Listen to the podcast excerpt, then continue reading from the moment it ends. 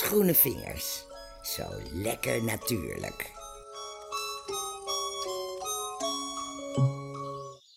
Haar naam klinkt zacht, maar ook stekelig. En dan heb ik het over de Maria-distel. Jesus Christ, Jesus Christ, who are you? What have you sacrificed? Weet je waar de naam Maria-distel vandaan komt? Nou, dat zit zo. Toen Jezus werd geboren, viel er uit de borsten van Maria een druppel melk op een distel. Die kreeg witte vlekken op de bladeren. En zo komt Maria-distel aan haar naam. De Maria-distel is een rechtopstaande distel. De bladeren zijn groen met aderen erdoorheen en ze voelen een beetje leerachtig aan. Aan de rand bevinden zich gelige stekels. De steel van de distel is tussen de 70 centimeter en 1,5 meter lang. De kop van de plant is ongeveer 5 centimeter en heeft bloemen in een rood-paarse kleur. Als de distel uitgebloeid is, krijgt ze glanzende zwarte zaden met witte haren. Oorspronkelijk komt Maria distel voor in Zuid-Europa, Noord-Afrika en Zuidwest-Azië. Maar je vindt hem ook wel in Australië, maar dan niet in het wild. In Australië wordt Maria distel als sierplant en als geneeskrachtige plant gekweekt. Maria distel is al eeuwen bekend als geneeskrachtige plant. De Griekse arts Diocordides leefde in de tijd van Nero. Hij was chirurg in het leger van de keizer en zo kon hij heel veel reizen maken en kon hij op zijn gemak zoeken naar geneeskrachtige planten. Hij kwam erachter dat Maria distel heel goed helpt bij hoest. Hij nam de wortel en vermengde dat met honing. Plinius de Oudere ontdekte dat Maria distel goed is voor je gal.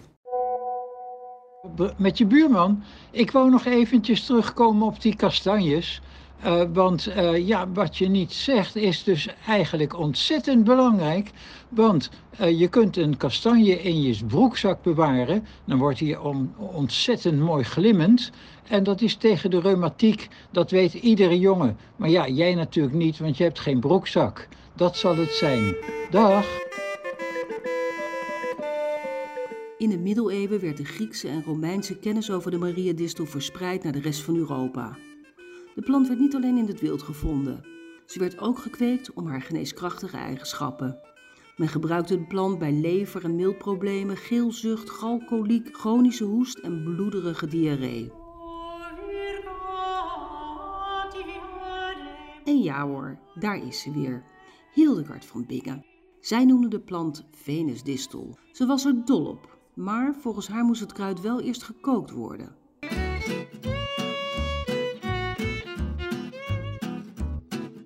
In de jaren 50 van de vorige eeuw werd de stof silimarine geïsoleerd uit de plant. Silimarine helpt leverkwalen te genezen. Een andere stof van Maria distel is silibinine. Dat hebben alle ziekenhuizen in huis die gespecialiseerd zijn in vergiftigingsverschijnselen. Mocht je nou per ongeluk een stukje giftige vliegenzwam groene knol niet eten, dan krijg je silibinine om de vergiftiging te neutraliseren.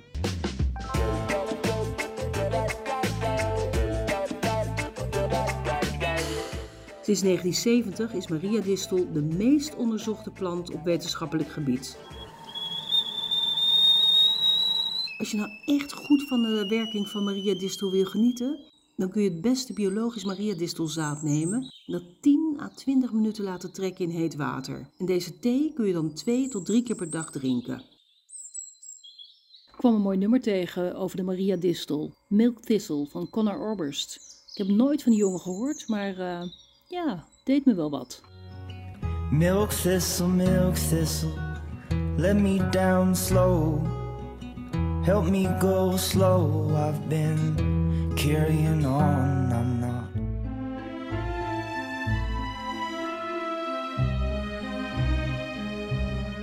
Er zijn nog wel wat mythes rondom de Maria distel. Als je een Maria distel in je tuin hebt staan, dan zou dat dieven afschrikken. En als er een vloek tegen je wordt uitgesproken, dan moet je een hemd dragen met distelvezel om die vloek tegen te gaan. Distels werden vroeger ook in daken verweven om het kwaad tegen te gaan.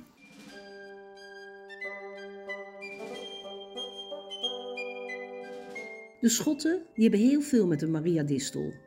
En niemand weet eigenlijk hoe de paarsbloeiende distel zo belangrijk is geworden. Er is een legende en die gaat over een troep slapende Schotse krijgers. en die werden gered. Ze werden namelijk aangevallen door het Noorse leger. Maar een van die vijanden die trapte op de prikkende plant. Die gilde het uit.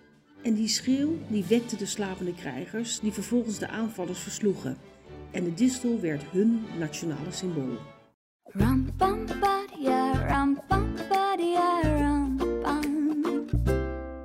Vroeger werd Maria distel veel gegeten.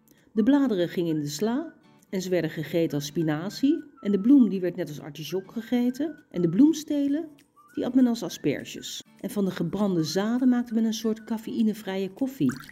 Ik zou zeggen, probeer het een keer.